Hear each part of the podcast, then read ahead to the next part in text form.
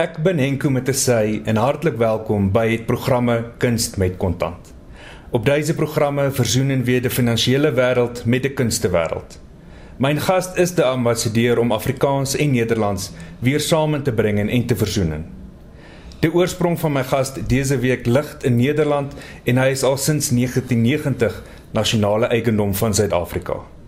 Stef Bos, van hartlik welkom by Kunst met Kontant. Dis lekker om hier te wees om te praten oor een onderwerp waar ons normaal nooit niet oor praat nie, hè? We wil je hartelijk bedanken voor jouw bezoek en voor jouw tijd bij onze radiostation RSG. Dankjewel.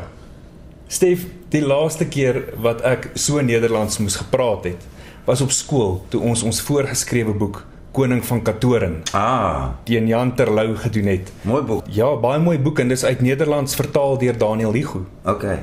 in Afrikaans. Ons is bly jy's in Suid-Afrika, maar hoekom het besluit om wortel op te trek en Suid-Afrika jou basis te maak? Goh, hoe ouder ik word, hoe minder ik weet. Ik heb altijd zo'n idee gehad, weet je, die, le die leven loopt zo of jij maakt besluiten. Maar aan die einde van die dag, die groot besluiten in jouw leven over geluk, verdriet, dood, geboorte, is groter dan ons. Hè? Noem het God of die natuur of whatever. Dus als je zegt van wat het jou laat besluiten. Ik, ik weet niet of ik, of ik aan die einde van die dag over die, die grote dingen in mijn leven werkelijk besluit. Ik heb die gevoel dat ik die besluit neem. Maar eigenlijk is het dikwijls intuïtie. Wat ook voorbij die ego gaan, eigenlijk. Dus die grote besluiten in mijn leven, bijvoorbeeld om hier naartoe te gaan, was een ontmoeting met Kerkorrel. Met Johannes Kerkorrel in België. Ons het vinnig eh, goede contact gehad en besluit om samen iets te gaan doen. En de eerste keer dat ik hier in Johannesburg geland het was nog Jan Smuts Airport. Met vliegtuigen met springbokken daarop. Ja. En oranje, eh, wit en blauw. Was daar een grote liefde voor die plek. Door zijn complexiteit. Die avontuurlijkheid van mensen. En vooral die gevoel dat ik hier iets kon leren. En ik kom uit Nederland, wat uit de rechtige, goede protestants eh, gereformeerde gezin. God was liefde, niet, eh, niet iemand wat jou bliksem. Maar wel zo'n tamelijke rationele gezin. En ons komt natuurlijk van een generatie in Europa wat wat min conflicten het meegemaakt. Dus toen kom ik hier en ontmoet een generatie van mensen, wat voor mij baie interessant was. Het was een moeilijke, moeilijk moment in die geschiedenis, hè, die oorgang. Bij onzekerheid, eh, eh, geweld ook. En iets zet er gebeuren met mij dat ik weet, ik kan hier iets leren. Misschien is dat die, waarom het jij besluit. Ik besluit goed is in mijn leven omdat ik voel, ik kan iets leren. En als jij iets kan leren, kan jij groeien. En groei is volgens mij in elk geval die essentie van die leven. Ik weet niet of het die essentie is van die economie, want ons gaan ook over geld praten. Daar is een grens aan grootheid voor mij. En een grens aan groei ook. Maar in jouw leven, zoals een plant, als jij niet meer groeit, dan is het ook die einde en het is ook oké. Dus die besluit het mij geneem. Laat ik het zo kort samenvatten. Ik heb die besluit niet genomen. Besluit het mij geneem. Want Suid-Afrika is verseker ryker om jou hier te hê. In Europa is daar baie meer mense. Jou bedryf is baie groter Ja, daar. ja. Die geld is baie meer daar. So jy het definitief gee iets prys in ruil daarvoor om hier op te tree, maar ek weet dat dit wat jy prys gee en in ruil daarvoor het, is nie vir jou van monetêre belang nie. In eerste instantie om, om een beetje dat die mensen thuis in mijn kop kan kijken. Mijn pa is een gelovige mens wat eh, geprobeerd handelen uit het Nieuwe Testament. Dit heeft ook consequenties voor jouw economisch handelen. Hij was nogal principieel. Een lieve man, was bij je lief voor hem. Maar ik had als kind, hij was een juwelier, een goudsmid. Dus ons had een winkel gehad. Dus als kind, het kwam altijd... Hij was niet goed in die winkel om goed te verkopen. Eigenlijk was mijn ma. Mijn ma was die ziel van die bezigheid. Maar hij was altijd bezig met administratie. Ik zie hem nog. En hij wou zijn mensen goed betalen. Dat heeft hij ons ook altijd verteld. Je moet, als mensen voor jou werken, moet je dat goed betalen. Weet je, dan krijg jij eh, ook goede werk en zo. En, dus als kind heb ik hem al zo zien zitten. En als ik nou die administratieve rol soms vervul bij die huis. Want mijn vrouw is een goede beeldende kunstenaar, maar administratieve ramp. Dan zie ik mijn pa zitten. Dus ik heb vroeger al gezien van, ja, wat is die doel van die leven? Voor mij avontuur. Ik, ik moet doorgaan met die idee van, ik heb, het, ik heb een reis gemaakt. Wat dat betreft is ik een geestelijke voortrekker. Ik moet het pad afleggen. Hoe rijk of hoe, hoe arm maakt niet zaak, maar ik moet mensen raaklopen, dingen meer maken. Zo ontstaan die meeste van mijn songs ook. Dus dat is mij, eigenlijk mijn drijfveer. En dan moet je zorgen dat je in mijn bezigheid die vrijheid houdt om te doen wat jij wil doen. Want voor mij is het belangrijk, als ik liedjes zou moeten zingen waarvan ik denk, ach genade, weet je wat. Mijn pa had het ook gezegd. Toen ik naar die toneelschool gegaan heb, was natuurlijk niet evident als je uit een gereformeerde uh, gezin komt van, ga een toneelschool toe. Hij zei van, ik hoop maar net dat jij iets zinnigs gaat vertellen op die verhoor. Mm. Dus dit was wel mijn opdracht, weet je, van hom uit. En om dit te kan doen, moet jij jezelf economisch organiseren met één doel: geld genereert vrijheid. Dat is mijn theorie. Op het moment als, als geld jou gevangen begint houden en jouw vrijheid vat, is die ergste. Wat ik al gezien heb bij rijk mensen. Want al die geld van die wereld het en dat is doodongelukkig. Mm. Want er is vastgevangen door die geld, door die mammon, hè, zoals we dat in die Bijbel noemen. En mijn pa had mij geleerd van, weet je, geld is, is functioneel, wees verstandig, maar moet ook niet zo Scrooge begint te denken, ik moet, die, ik moet het Dus dat is een, een, balans. En zeker in mijn bedrijf en bezigheid is het een goede boekhouder is goud waard. En ik heb een bij goede boekhouder. En te zien waar jouw mogelijkheden is. En dat is wat jij zei, uh, overseas, België, Nederland, is het 24 miljoen mensen die diezelfde taal praten. Hè? En op het moment ik heb altijd de constante gehad, uh, vanaf die begin dat ik begin van, van uh, gehoor, uh, aanwezigheid van gehoor in die zalen. Nou is het nog meer, dat heeft enorm gegroeid de laatste jaren. En daar ligt mijn economische zekerheid, maar mijn emotionele zekerheid ligt hier. Mm. Dus je moet dan een balans zien te maken, weet je. Dus, en, en ik wil dat mijn kinderen en mijn vrouw ook, dat, dat willen groot wordt in Afrikaans en in Nederlands. Dus zullen moet in alle twee die landen die cultuur van hun voorouders ken.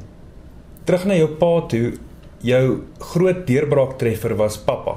Ja. En was daardie liedjie gewees oor jou pa? Ja. Die liedjie Papa, kyk wanneer jy 'n song skryf, moet jy altyd na 'n universal level gaan, maar dit begin altyd soos 'n saadjie wat jy plant in die grond en wat jy soms nie raak sien. Dus ik denk met papa was dat ik op een zondag, ik heb in Antwerpen gewoond, want ik heb daar, die toneelschool was ik daar. En toen ga ik huis toe, naar Nederland. En ik zie mijn pa zitten en hij had toen, het ons toen verteld, hij had kanker gekregen. Ik denk, ik, hij was uh, einde 50 of begin 60. En die dokter heeft tegen hem gezegd, nog drie maanden, meneer Bos. Dus ik vat die trein terug naar Antwerpen.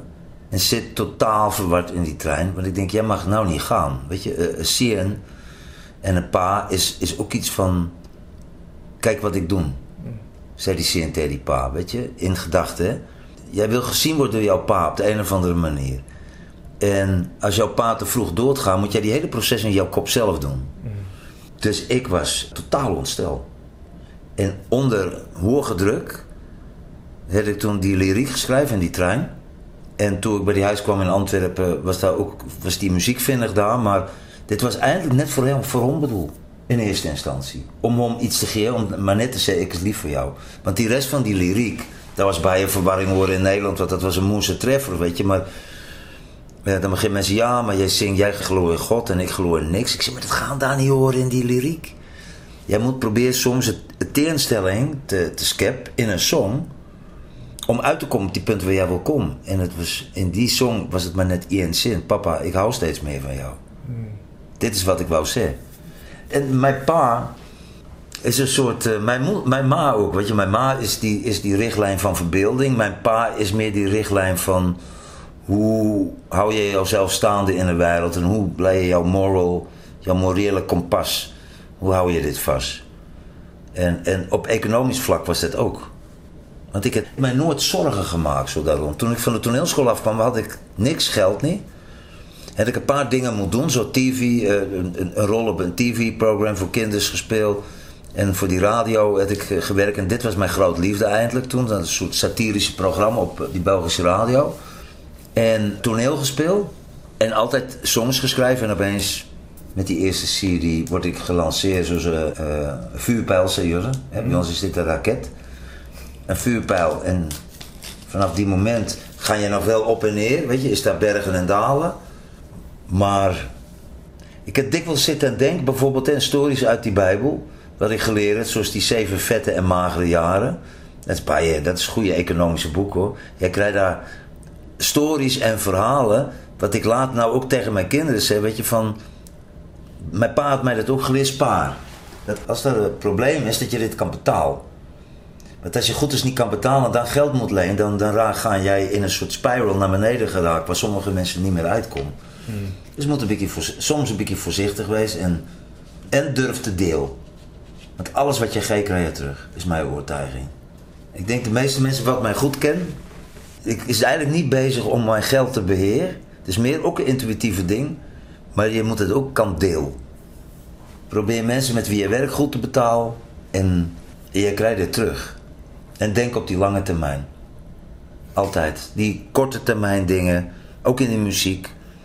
Vinnig een treffer, op idols, of het is het allemaal op die wedstrijden op tv. 90% van die mensen val af. En, het is, en het is sad, weet je, want dan krijg je, dan krijg je zo, je ziet die poort van die hemel en dan ben je eindig je in die hel. Was daar die dokter se diagnose toe reg? Die nee. sê jou pa 3 maande oop? Ja, dat is die geluk van mijn leven. Mijn pa uh, 92 geworden, dus ik heb een full journey met hem kan maken. En bij je met hem gezels tot, tot vijf jaar. Ik denk hij is vijf jaar geleden dood, vijf, zes jaar geleden. Dat was een ingekapselde kankergezwel in zijn rug, wat hij uit het kan halen en, en hij had het oorleef. Jy het vroeër gepraat van die hel en die hemel en daar's 'n baie mooi strofe uit 'n liedjie wat jy oor die radio geskryf het. En daarin sê jy, hoorde ek een stem, hy kwam nie uit die ja. hemel, hy kwam nie uit die hel. Ja. Soveel mooie woorde en ik wist niet wie het was. Die stem kwam uit een doosje op de kast. Ja. Ja, ontdekking van die radio als kind. Ja, die mooie ding van die radio is, het is, uh, kijk, die, die luisteraars wat ons nou horen, het maakt zelf een voorstelling. Dus je hebt jou en mij en jij hoort die stemmen. Dus op het moment als ik opgewonden begin te raken, ga ik horen klink. En als ik een beetje ontspannender is, raak ik meer zoals Freek Robinson, zo'n beetje laar. Ja. Of Tins Jordans. Maar die mensen krijgen dan een voorstelling. En dit is voor mij een grote liefde voor radio, want jij moet jouw eigen prankie maken. En ik, ik voel soms ook, wanneer, wanneer mensen willen oren, is makkelijker te manipuleren dan hun oren. Ja, als krijg, jij kan lichtjes laten zien en groetes en, en, en zoals een, go, een goochelaar. Hè? Een goochelaar, zijn, zijn truc is om dat je iets niet ziet. Dus jij kan perfect een afleiding geven op mensen zijn oren, maar om te luisteren, alleen te luisteren, gaan mensen horen van, maar wat hij nou eindelijk zegt, klopt niet helemaal met hoe hij klinkt. Mm. Om te praten is om muziek te maken eigenlijk. Hè? Dat vergeet ons soms. Mensen denken zingen is... Uh, maar wanneer ons praat, zingen ons ook. En je hoort wanneer iemand... Wanneer daar verdriet is of geluk of berusting of... Jij hoort het in iemands stem. Hmm. Asemhaling en... Uh, ja, dat is interessant hè. Want ek en jy sit nou hier in kuier terwyl jy besig is met die repetisie vir Afrikaanse styl saam met Karen Zoid en Nathaniel en jy het in die verlede al saam met van hulle gewerk, jy het saam met Karen Zoid ek heb jou lief opgeneem. Iemand anders saam met wie jy aanvanklik begin werk het, Kerkorrel. Mm. 'n Mens weet nie waar jy sou gewees het as dit nie vir die liedjie Heelbrow was nie. Ja. Waar was jy op die oomblik die dag toe jy gehoor het van Kerkorrel se afsterwe? Ek was in die kleedkamer van een van die mooiste theaters in Nederland, in Leiden. Het is een oud theater uit die 17e eeuw. Dan zit je onder in die kelder, in die kleedkamer. En dan, je wacht op die vertoning. En ik denk, ik een vriendin van mij, die kapen, Marita Channel, heeft mij geschakeld om te zeggen wat gebeurt daar in Kleinmond. En uh, ja, dit vergeet je nooit niet meer. Hè. Ik zit daar, ik denk ik, een maand voor die tijd heb ik met, met eh, Kerkorrel en Ray Peary en Louis Muslanga en zes Zulu-vrouwen een vertoning, eenmalige vertoning gedaan in Den Haag voor die Hollandse regering. En dat was ongelooflijk, want Kerkorrel, en ik noem hem altijd Ralf, Ralf Rabi, was een, een oude, wat, als hij met hem werkt, wat ook, was een kuier gehad ook. Hè? Zo, nee, maar kan ons gaan kijken wat gaan dan, of kan ons gaan lekker eten of iets. En ik had iets meer van die arbeidsethos van mijn gereformeerde pa-oor gehad. Dus dat was een prachtige combinatie. Maar die laatste keer, ironisch genoeg, was hij, zoals Nathaniel nou, bij hier die vertoning. Nathaniel is gewoon de director. Ja. Hij zoekt een soort perfectie in een vertoning. En dat is voor mij prima, weet je. Want ik is meer van die momentum. Mm. En Ralf was ook meer van die momentum. Dus dan werd ik die Nathaniel van dienst. Dus als, als mensen hè, zeggen van los het maar, dan vat iemand anders oor. En maar die keer, een maand voor zijn dood, was hij spot on. Hij had die hele ding gedirect. En ik zei, Ralf, wat is dit nou, weet je? Hij was zo eh, gefocust, maar tegelijkertijd was hij, eh, kon hij niet meer 100 meter eh, lopen naar die, naar die hotel waar we ons gebleid om die draai van die, van die venue in Den Haag. Dus hij was fysiek, vond ik, ten einde. Dus toen hij, toen ik hoorde hoe zij dood, was voor mij vinnig die conclusie van hij wou zelf die einde bepalen. En dit verstaan ik. Jy het gepraat van jy was op 'n oomblik het jy vir die Hollandse regering 'n vertoning gelewer. Dit moet tog vir jou lekker wees om daar op te tree en dan daai euros Suid-Afrika toe te bring en te maal met 17 wat die wisselkoers op die oomblik is. Ik moet eerlijk wees, weet je, ons zit een huis gekocht in die Kaap. Oké, dus ik, ik trouw 2009. Kolja is geboren 2010. En ons, ons drie huisjes ge- in die Kaap toen, toen zeg maar, gaan iets koop. En dit was natuurlijk makkelijk om die geld te leren in Europa. Want laten we teruggaan naar die feit. Mensen denken, weet je, als jij eh, een treffer hebt of jij komt op die TV, dat daarbij je geld bij betrokken is. Ik kan die mensen bij die zijn. In elk geval, ik doe nou bij je TV-werk in Nederland. TV betaalt bij je slechter dan om te spelen in een theater of in een venue op die verhoog. En dat is ook oké, weet je. Ik bedoel, ik, ik doe goed dus vanuit mijn hart, omdat ik dit rechter graag wil doen. Maar ik heb wel weer slim genoeg om te denken van, nou, koop onze huis in die kaap. Ik verdien mijn geld overseas, voor die grootste deel. Kan ik maar beter een lening vat overseas. Want jij betaalt niks, niet rente niet. Koop ons die huizen in die kaap. Hè? Eh, En het was nog net die goede tijd in Damboerskloof. Want op een gegeven moment had die prijzen mal geraakt daar. Dus dit was 2000, ja, 2009 denk ik. Hè? Ja. En dan zit je met zo'n exchange. eh, met zo'n wisselkoers. Hè? Mm. Maar toen heb ik mezelf geleerd, Stef, forget it. Als je iets wil koop, koop je dit omdat, je, om, omdat, omdat dat nodig is. Of, maar moet niet gaan zitten en denken van, nee, als ik nou nog een beetje wacht. Het is ook niet mijn specialiteit. Als mensen wat baie goed daarin is. Hè? Om te kijken van, hè, of bitcoins en zo. Maar ik het, mijn pa had aandelen gehad en het mij vroeg geleerd. Als het jou niet interesseert, don't go there. Want dan raak jij onder invloed van mensen. Want dan zeg maar, ik weet. En hij zei, die mensen wat zei ik weet, moet jij nooit niet geloven, want dan moeten we hun eigen geld maar daarin stoppen. In die aandelen wat zullen geloven. En mijn pa zat in het bestuur van een bank ook. In Nederland. In die dorp. Het eh, eh, goede winkel het hadden gehad bij, betrouwbaar. Maar hij was ook de- deel van die bank. In die bestuur om te bepalen wie die lenings krijgt. Dus hij heeft goed geweerd wat aangaan op die financiële markt. eh. En hij heeft mij nog altijd tot, tot kort voor zijn dood, heb ik altijd gesprekken met hem gehad. Ik zei, papa, wat doen we? Kijk, ik kan dit doen. Ik heb de bezigheid in België, bezigheid in Nederland. Een klein bezigheid hier in Zuid-Afrika. Net om die, die dingen wat jij doet om dit... eh, en hier is het niks. Dat is eigenlijk een break-even elk jaar. Ik moet daar meer geld in pompen van overseas. Om die boel in die gang te houden met tax en rates van, van jouw huis en, en dingen. Maar daar doen ons bij goed. En altijd met hem oorleg. Weet je, hoe doe ik dat die beste? En van wie kan jij meer vertrouwen dan jouw pa? Absoluut. En ook hij heeft tegen mij gezegd, moet niet aandelen kopen. je- If you're not interested, don't go there. Mm. Hou jy van die kommersiële kant van die bedryf waarin jy werk? Goh, dat is een moeilijke vraag. Die commerciële kant is, eh, hoe noem je dit zo mooi in het Nederlands, een noodzakelijk kwaad. Ja. Een noodzakelijk kwaad. Ja. Maar het is ook interessant. Ik heb bij van mijn eh, eh, collega's zien ondergaan. Omdat we zeggen, ons is niet geïnteresseerd in geld. Maar als jij dit niet goed organiseert, ga jij omstandigheden creëren waardoor jij glad niet meer kan doen wat jij wil doen. Dus ik heb van vroeg af geweerd, wees verstandig. Weet je, voor mij is die einddoel, of einddoel, is om schoonheid te scheppen. En iets van liefde toe te voegen aan die wereld. En ik heb ook maar mijn beperkingen en ik is ook met vallen en opstaan. Maar om een leven te hebben, wat ik heb, is natuurlijk ongelooflijk. Ik kan schrijven, ik kan zingen, weet je, dus gehoor wat daar is. Maar dat is die belangrijkste ding. En dan kijk, hoe organise jij jouzelf rond die ding? Jij kan dan of denken van, als daar geld is, heb ik ook al gehad, weet je, dan... Als het bij je goed gaat, dan zie je opeens die geld toenemen op jouw bankrekening. En jij begint te veel op jouw bankrekening te kijken. Ik heb al die momenten gehad, maar 20 jaar geleden. Ik ging eens te kijken, nog een keer, elke dag. Ik denk niet, maar Stef, hier is iets niet recht. Weet je, dan zit je te kijken van dit vermeerder. En toen denk ik, jij moet jouw repertoire vermeerderen. Jij moet gewoon betere songs schrijven aan die einde van die dag. Iets waar je gelukkig mee bent. Want die geld gaan jou aan die einde niet gelukkig maken. Dat is, dat is altijd de, het balans wat jij moet zoeken in hier die wereld. Maar verstandigheid is bijna belangrijk.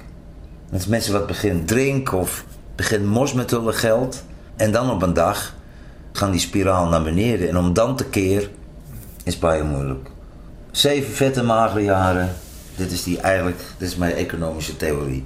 Met Karen Zoid en Nathaniel in die agtergrond tydens hierdie repetisie van Afrikaans in styl. Ja. Hoekom sê jy dat daar is meer geld te maak in teater as in televisie? De televisie specifiek in Nederland bijvoorbeeld. Hè? Ik denk, ik ken dus een paar grootverdieners van aanbieders in Nederland, mensen wat programma's maken. Maar die nationale omroep, waar je die liefde voor wil werken in mijn geval, omdat die commerciële omroep, dan moet je gewoon goed eens doen wat, wat uh, uh, voor die reclameinkomsten goed is, weet je. En dat is niet mijn, mijn uh, afdeling. En dat is ook niet mijn sterk punt. Dus ik moet anyways, anyway bij die nationale omroep. En dan, we letten beperkte budget. En dat is ja. een verantwoordelijkheidsgevoel. Dus on, doen ons, om, om die mensen een indruk te geven, ons doen een serie van onderhouden wat ik met mensen mag voeren. Van iemand wat, wat, wat uh, uh, multiple sclerose heeft tot de ex-criminal, tot iemand wat, wat uh, bezig is om te sterven. En ik mag gesprekken voeren met die mensen en vanuit die gesprekken schrijf ik een song. En die kijker, zeg maar, die, die kijker van die TV, zien hoe die song gebeurt. Vanuit die gesprekken zien, ah, maar let nou daarover gepraat en nou komt Stef opeens op die idee om die liedje te maken. Dus jij ziet die proces van hoe een song ontstaan. En die idee was in elk leven zit een lied. Jij kan met, met allemaal praten, of het nou uh, uh, Bergie op die straat is, of, of uh, Rijkman in, in Noordcliff of in Clifton, in, in die kaap. En zong in allemaal van ons, geloof ik. En dat was die vertrekpunt. Je doet dit. Als het die hele budget, ik denk, dit was, die eerste reeks was acht afleveringen. Dus daar is een band bij betrokken. Jij moet die goed te schrijven, arrange. Dan moet ik die onderhouden doen. Dus dat was een tamelijk kleine proegcamera uh, en, en geluidsman. En ik denk dat ons budget voor die hele ding was iets van 20.000 euro. En dat is niks, eindelijk. Ik denk dat ik aan die einde van die hele reeks uh, ongeveer 3000 euro het oor gehouden. Maar dan praat je oren uh, werk van uren. Maar, en dan kom je op een andere afweging, wat je soms moet maken is die werkelijke waarde van dingen in, altijd in geld uit te drukken. Dus die investering wat ik op die moment gedaan heb en die, die plezier en wat ik daarvan heb gehad, die mensen wat ik heb ontmoet, wat mij iets geleerd heeft, ja, dat kan, dat kan geen bankrekening uh, uh, goed maken. Dus je maakt afwegings. Als, als ik TV moet doen, weet je wat dan ook nog wat dan ook niet lekker is om te doen, dan heb ik spijt achteraf. Maar dat, het gaat alsmaar beter om dat van tevoren te zien en dan denk ik, nee, los mij maar uit, dat doe ik niet. terug op eie bodem is 'n liedjie wat my hart stil maak en een van my gunsteling liedjies onder die son die taal van my hart. Hmm. Wat jy geskryf het en 'n mens sou in Nederlands gesê dit is vir my heel erg mooi. Hmm. Daai liedjie is ryk aan woorde en jy sing ook daarin op 'n stadium sê jy vroeër was ek ryk aan woorde, nou is ek stiller, ek het verander. Hmm. Hoe het jou denke oor geld oor al die jare verander? 'n vergelyking met toe jy 'n jong man was. Want jy gaan aan en sê nou is ek stiller, ek het verander, maar my stem, my stem bly brand. Dit is my vuur, kom maak jou warm, hoor die taal van my hart. Ja, geld is 'n interessante ding omdat eintlik is dit 'n soort spieël waarin jy kyk en en wat sien jy van jouself raak? En geld is interessant omdat dit iets vertel oor jou opvattings in die lewe. En als ik het verbind met die taal van mijn hart, hoe het het verander. Ik weet niet of dit zo bij je het verander. Ik, ik, ik denk dat ik zo'n stevige fundament van mijn, van mijn pa en ma heb gekregen. Mijn pa was voorzichtig, mijn ma was uh, avontuurlijker. Dus zij het soms in die winkel, als ze het goed moest koop, hè, uh, gouden ringen of horloges of, of klokken, het mijn ma altijd meer gekoopt dan mijn pa wou. Maar dat was die spanning wat daar altijd moest wees. Maar uiteindelijk, mijn ma, alles wat zij gekies had, wat de koop van die, van die inkopers, het zij verkoopt. Want zij had die dorp gekend. Zij had allemaal zijn stories gekend. Zij had geweten, maar die ouw is met die vrouw en dat gaat niet goed in die huwelijk. Dus hij moet iets voor haar gaan koop om dit goed te maken. En niet vanuit de opportunisme, maar zij was ook een mensenmens. Ongelooflijk mensen gehelpt vanuit die kerk. Fenomenale vrouw. Maar zij het geweerd. Terwijl mijn pa zit, maar jij hebt nou te je geld uitgegeven. Hoor ik die gesprekken in die hand. Mm. En toen zei ze niet meer, ik ga het verkopen. En ze had het altijd verkoop. Dus die spanningselement, als jij daarmee groot uh, gemaakt wordt. Ik heb ook één ding geleerd. Dus nou gaan dingen nogal vinnig. Groot en groot en groter. Hè? Uh, mijn pa had mij vroeg geleerd. A, beter een kleine baas dan een grote knecht. Dat is mooi gesteld. En ik heb altijd geleerd van, kijk, als het goed is te groot wordt. Toen ik begin het met Eurovision Song Contest. Mm. Scoor je een moerse treffer, maar wat er ook nog door een miljard mensen gezien wordt. En dit is voor die mensen interessant misschien thuis. Weet je dat die geld wat je als een songwriter genereert, genereer je via auteursrechten. Dus als een liedje op die radio gedraaid wordt in Nederland, krijg jij zeg maar één rand. Maar ja, als het bij je gedraaid wordt, wordt het opeens duizend rand of, of 10.000 rand of whatever. Dan moet ik één ding zeggen. Ik hoop niet dat Samro luistert. In Zuid-Afrika krijg je niks, vat die geld gewoon. Ik weet niet waar dit blij. Ik krijg 60 rand per jaar van Samro. Terwijl. Maar in Holland en België is het baie goed georganiseerd. Duitsland ook. Dus daar is het deel van mij wat zing. En ik krijg geld voor als ik ergens ga speel en optreed en zing. En daar is het deel van mij wat schrijf. En die deel is die long-term investment. Dat is bijna, want papa bijvoorbeeld, of Door de Wind van 30 jaar geleden, was een likkie van 30 jaar geleden, wat laatst jaar een moerse treffer was in Nederland. Mm. En daar, die geld wat dan binnenkomt, is dat kan, uh, zeker vroeger was het nog meer, omdat je dan records had wat verkoopt werd, weet je, een series, dat is nou eigenlijk allemaal voorbij. Uh, maar om die mensen een indruk te geven, om maar op kaart te spelen, ik denk uh, Door de Wind met die Eurovision Song Contest 1989, een liedje wat ik tekst en muziek geschreven heb, brengt dan opeens uh, uh, één song 30.000 euro op. Of iets. Ja. Krijg jij. Dan is het ook voorbij. Weet je, en dan krijg je elk jaar een, nog een bikje omdat we het nog een keer op die radio spelen of whatever. Maar die lange termijn investering, zo is ik ook groot gemaakt. Alles wat je op die lange termijn doet, is die beste. Voor mij. Dat is mensen misschien gespecialiseerd om op korte termijn te denken: oké, nou gaan die stock exchange omhoog of omlaag. Nou, vat ik om. Ik zou dat bij je slecht doen. Maar ik geloof wel in. Probeer betrouwbaar te wezen en met mensen te werken wat jij ook vertrouwt. Deel goed is. En jij krijgt ongelooflijk bij je terug. En ik voel dat nu ook. Ik is nu 60. Dingen hebben nog nooit zo goed gegaan. En die, fund, ja, en die zakelijk ook. En die fundament is natuurlijk zo stevig. Want jij bouwt niet een omgekeerde piramide op een eendagsvlieg succes. Maar jij bouwt ook op een repertoire. Van ja, ik heb nou honderden liedjes geschreven. Hmm. Het is ook niet allemaal goed, wat, die, die songs. Maar er is een paar songs wat blij. Toen jij in 1989 voor België ja. die Eurovision wenliedjie skryf en inskryf door de wind. Mm. Verdien jy nou nog steeds tantieme op hom selfs as hy verlede jaar weer nuwe lewe gekry het en so groot treffer was. Ja, ik denk dat ik misschien zelfs nu meer daarop verdien dan toen. Omdat het nu die impact van die treffer, want door de wind was dit werd uitgezaaid in, in oor die hele wereld. Die specifiek dat moment dat mijn toenmalige vriendin het die liedje gezien. En die, dus dat werd overal van Australië uh, werd het uitgezaaid. En die moment op televisie, daar krijg je ook geld voor. Hè? Dus het was meer de, de, de, de, die, die uh, hoeveelheid van plekken waar dit uitgezaaid is. Maar dat was, was wereldwijd nooit een hit. En zelfs in België heeft dat misschien één keer nummer één gestaan. Maar, maar door de wind laatst jaar gezongen door een andere vrouw in Holland. En dit was all over the place. En het sy die ritme daarvan verander. Wat het sy verander dat dit hierdie oplewing veroorsaak het? Nee, dit was in een TV-program uh, Beste Zangers. Het is bij popular en ik, het, ik was deel daarvan en andere songwriters ook. En dan, bij elke episode, dus acht episodes, zingen we jouw uh, repertoire. En zij, Miss Montreal, had gekiest voor die Likkie door de wind. En het was, eh, ja, de ongelooflijke version van die song. Fenomenale goede stem en baie emotie daarin. En ja, top. Ek dink nie ons besef in Suid-Afrika hoe groot Eurovision is nie. Ja, ik denk dat zeker eh, als je heel Europa bij elkaar optelt, kom je op een half miljard, denk ik. Maklik. Verzekers. En dan gaan het Australië toe, eh, nog een paar andere plekken. En dit is bij mensen. En toen de tijd was het een beetje politiek incorrect, die festival, eind jaren 80. Maar nu is het weer, eh nou mag iedereen het goed vindt. Zo zie je ook maar dat die opinie, Mm.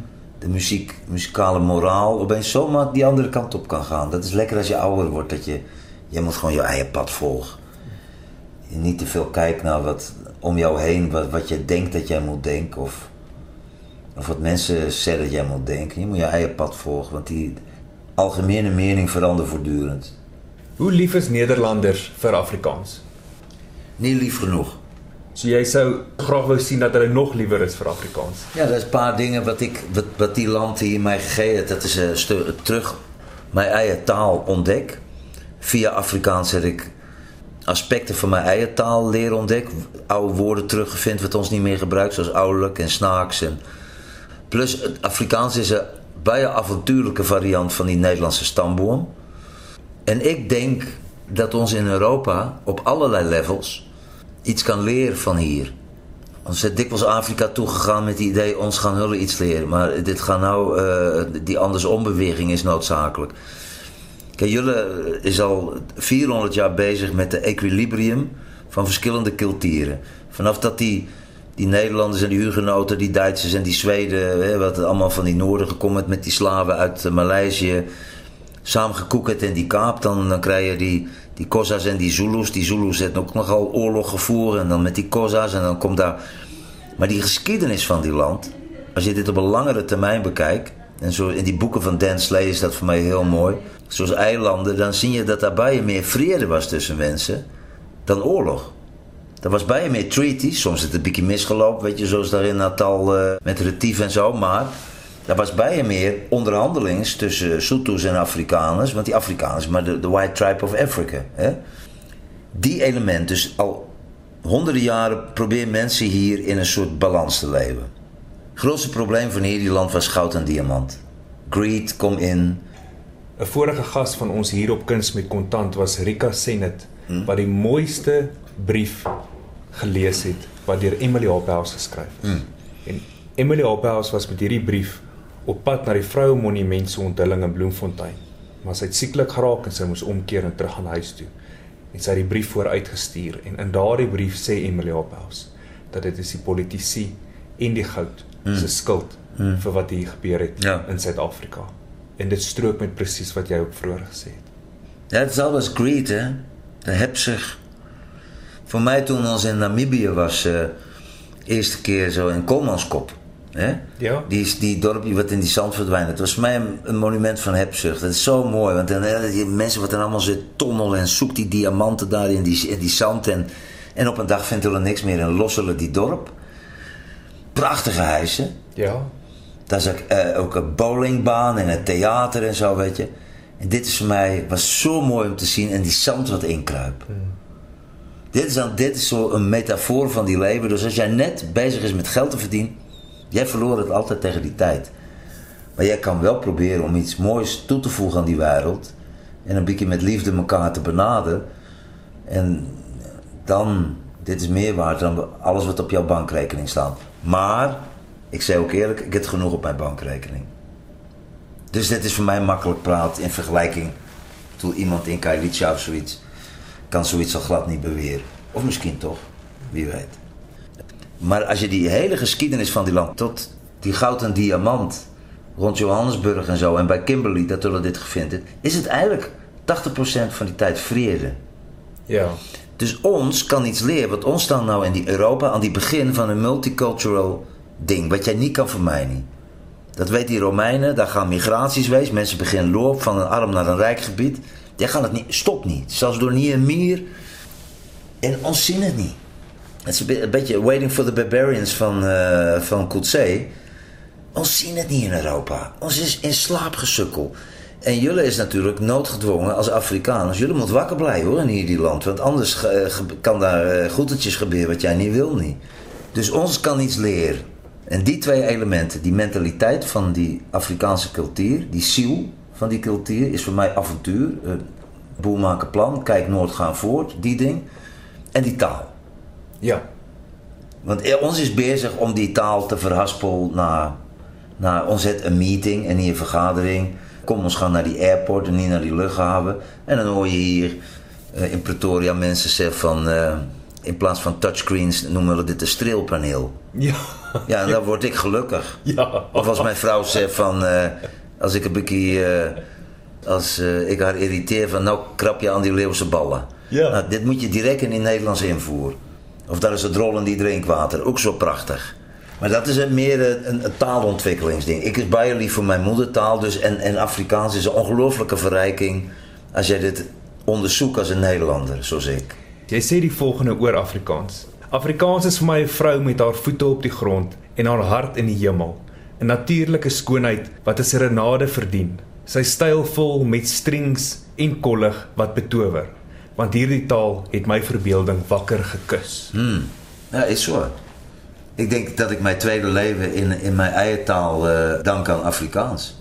Die, die zinsconstructies lopen ook anders. Dit is, jullie hebben een directere manier om... En beeldrijk ook. En dat is zo'n stuk... Wat ik ooit gezien heb van Gijs de Villiers en Annemart van der Merwe... eh, in die blauwte of uit die blauwte. Hè? Dat is zo mythisch. En bijen van die stories ook uit die, uit die oude dagen gaan nog spoken. Etienne van Heerden ook nog zo, weet je, die, die, eh, hoe die oude die kloof daar bij, in de buurt van, van in die Karoo. Dat is een mythische ding, wat bij eh, Afrika eh, gevoel is. Van, jij staat onder die sterren in die bosveld en kan je alles gaan denken, wat de hel maak ik hier? Hè? Wie is ik eindelijk? Dat soort denken kan ons bijen van leren. Anders is het een beetje te rationeel in Holland. En eh, in België is weer een andere cultuur, een andere spel, maar ons is een beetje in slaap gevallen daar. En nou met die oorlog in de Oekraïne beginnen ons misschien een beetje wakker wordt dat daar nog een andere werkelijkheid misschien ook is. Stef, wat is die taal van jou hart? Nederlands. Maar die songs die ik nu bij Afrikaans in, in, in stijl doe, is eh, een liedje Ik Wil. En dat heb ik begin als een soort snaakse opsomming van wat ik wil. En aan het einde van die dag heeft het mij eindelijk omgekrapt, omdat ik eigenlijk iets begin vertellen, die song, wat ik niet wou kwijtraken, maar wat ik toch vertel het. Hè, want die einde zing ik wil met jou trouw. En het heeft mij ontsnapt bijna. Terwijl ik die song bezig was, technisch om te schrijven, begin ik opeens zinnen te schrijven van ik wil lief wezen voor wie mij haat. eh, En zo goed dat ik denk, oeh. Toen zei een vriend van mij in België, eh, ook een songwriter, zegt van hier die song had jij nooit kan schrijven in het Nederlands. Toen begin ik daarover te denken en ik ja, dat is, dat is waar. Dus als je praat over die taal van mijn hart. Nou, die taal van mijn hart is eindelijk die combinatie van Nederlands, Afrikaans en Vlaams. Eigenlijk is dat die taal van mijn hart. Een mengelmoes. Toch een soort geestelijke baster. Het is ook niet net Nederlands, want ik is al te lang, te lang uit die cultuur. Ik speel daar en het is wel de cultuur wat ik natuurlijk, waar je opgroeit, is die cultuur wat je tot die Sinues ken eigenlijk. Hè? Maar bij lief voor Vlaanderen en kijk aan, mijn, mijn vrouw is Afrikaans, ik lief voor die Afrikaanse cultuur, plus mijn kinderen praten die taal. Dus ik is nou geworteld hier, letterlijk. Dus eigenlijk is die, die, taal van mijn hart is, is niet meer net Nederlands. Het is eh, mijn eigen taal. In die jaar 2000 het jy jou album Beste van Bos vrygestel. Hmm. Wat sou jy sê was die beste finansiële besluit en die swakste besluit in jou lewe? Mijn beste financiële besluit was om zelfstandig te worden vanaf 2000. Ik was toen, denk ik, tien jaar bij eh eh, platenmaatschappij, bij een record company. Wat ook goed voor mij was. Maar ik het gevoel, dat is iets niet recht. En ik het mijn paase bloedvoelstroom. Zo van, ja dat was goed. Dus wat, wat bijvoorbeeld die hele tour ding was geregeld bij die record company. En doordat die muzikanten niet op tijd betaal. En de- ik, ik, ik haat het. Want ik moet betalen op die verhoog. En het is, het is niet respectvol. En daar was een paar goed wat ik toen het voel het. En, maar ik het eindelijk. Ik heb ook tegen, want hij, ik ken die oude nog al, altijd goed, die baas van die eh, record company, Hans Kusters. Bij je voor mij gedaan, maar ik heb gezegd, Hans, ik ga niet naar een ander. Ik wil alleen. Ik wil het zelf doen, ik wil mijn eigen besluiten kan nemen. Zelf besluiten hoeveel ik mijn muzikanten betaal. En, ehm, en ik had het al geleerd van mijn pa eindelijk toen ik klein was. Dus dit was, was het beste besluit. En daar is nog andere goed ook, weet je. Ik heb dan twee jaar geleden toen ik besluit aan een tv-programma deel te nemen. Waarvan mensen zeggen, maar Stef, is dat wel jouw ding?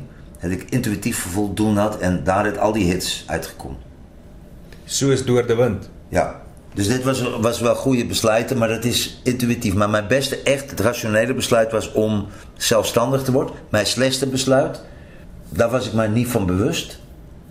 Was om, om soms te werken met mensen hier in Zuid-Afrika, wat mij nooit betalen het niet, voor een hele tour. En dat was wel bij geld op een gegeven moment toen, denk ik 400.000 rand of zoiets. Maar ja, daar kan je ook niet meer een advocaat op afsturen. En, en, en they can get away with it. Het is ongelooflijk. Maar ik zou, ik zou daar niet meer rustig kan slapen als ik mensen zo bevark. Maar dat, dat gebeurt onderweg. Maar ik heb dit bijna nooit eigenlijk meegemaakt. Ik heb nooit mensen toch altijd geluk gehad om met de juiste mensen te werken. Maar die slechtste besluit was eindelijk, toen ik begin het, had ik niet geweerd hoe het werkt. Dus als ik nou met jonge mensen praat, zeg ik van dit moet je rail, dat moet je rail. Hou jouw author rights. Want ik heb bij van mijn auteursrechten in die begin voor die helfte aan die record company gegeven. Terwijl er niks van die song geschreven werd. Maar je wilt zien dat ja, maar ons investeert in die, in die LP. Nee, jij investeert in die LP en dan moet die LP of die CD moet die geld opbrengen. Niet mijn rechten. Daar heb ik een paar fouten gemaakt, maar allemaal van ons. In die begin, in hierdie bedrijf, is jij zo lief van muziek en jij wil zo graag muziek maken, dat jij eh, een beetje eh, eh, blind is voor een aantal goedes. En jij leert het vinnig. Maar jij moet dan wel jouw conclusies trekken. Dan moet je besluiten van, ik moet hier uit. Maar die handelsnaam Stef Bos is vir my in daai opsig baie goed wat hulle in Engels noem brand extensions. Jy doen konserte, dan toere, dan publiseer jy lirieke, Ja. dan publiseer jy gedigte. So daar's al die verskillende goed hoe Stef Bos manifesteer Ja. en verskillende inkomste strome genereer. Ja. ja en nogthans is die, die, die motivatie om dit te doen is altijd artistiek. Ik wou boeken maken toen ik... Ik is mal van beeldend kunstenaar. Zo heb ik mijn vrouw ook leren kennen die kaap. Ons samen een boek gemaakt en toen kinders. Zo, dit kan eh, ook met die volgorde wie is. Maar dit was, ik wou een boek maken. En toen zeiden mensen, nee, maar dit is slim van jou. Hè, om een boek te maken met beeldend kunstenaars. Telkens iemand anders. eh, hè, iemand van Parijs in die Vrijstaat. Of van die Kaap. Of uit Nederland. Of een fotograaf uit Nederland. Wat prachtige foto's maakt. En ik zei, ja weet je, dat is, is oké dat, dat je daar geld mee verdient. Maar ik heb nooit eraan gedenkt toen ik eraan begin heb. En dat is mijn blessing eigenlijk. Mijn zegen is dat ik altijd eh, slim genoeg om te weten. Oké, je moet altijd proberen break-even te spelen. Soms verloor je iets, maakt niet zaak niet. Maar doe het vooral omdat je het graag doet. En omdat je iets moois wil maken. So is jy een van daai mense wat glo volg jou passie, die geld sal in elk geval volg. Ja, maar weet je, weet je, eh Henk, om te zeer. Om dan ook nog eerlijker te wees, ik het gemakkelijk praat. Want ik het een ongelooflijk mooie pad kan afleggen. Maar het kan ook wees, weet je, als je in die jaren, eind jaren twintig toevallig in Duitsland woont of in Amerika en eh, die beurscrash vernietigt jou. Ja, ik weet het niet wat ik dan zou. eh, Ik heb die wind ook een beetje in die rug gehad, moet ik eerlijk zeggen. Maar ik was verstandig ook. Dus ik heb ook nooit, eh, zoals die vliegende Hollander, eh, rond die kaap wil gaan varen terwijl het stormt. En dan, want dan hang je voor je leven lang in die wolken. Stef Bos, weer eens hartlik bedankt dat jy jou insage oor hoe jy jou geldsaake regeld met ons deel. Pas mooi op jouself. Ik zal.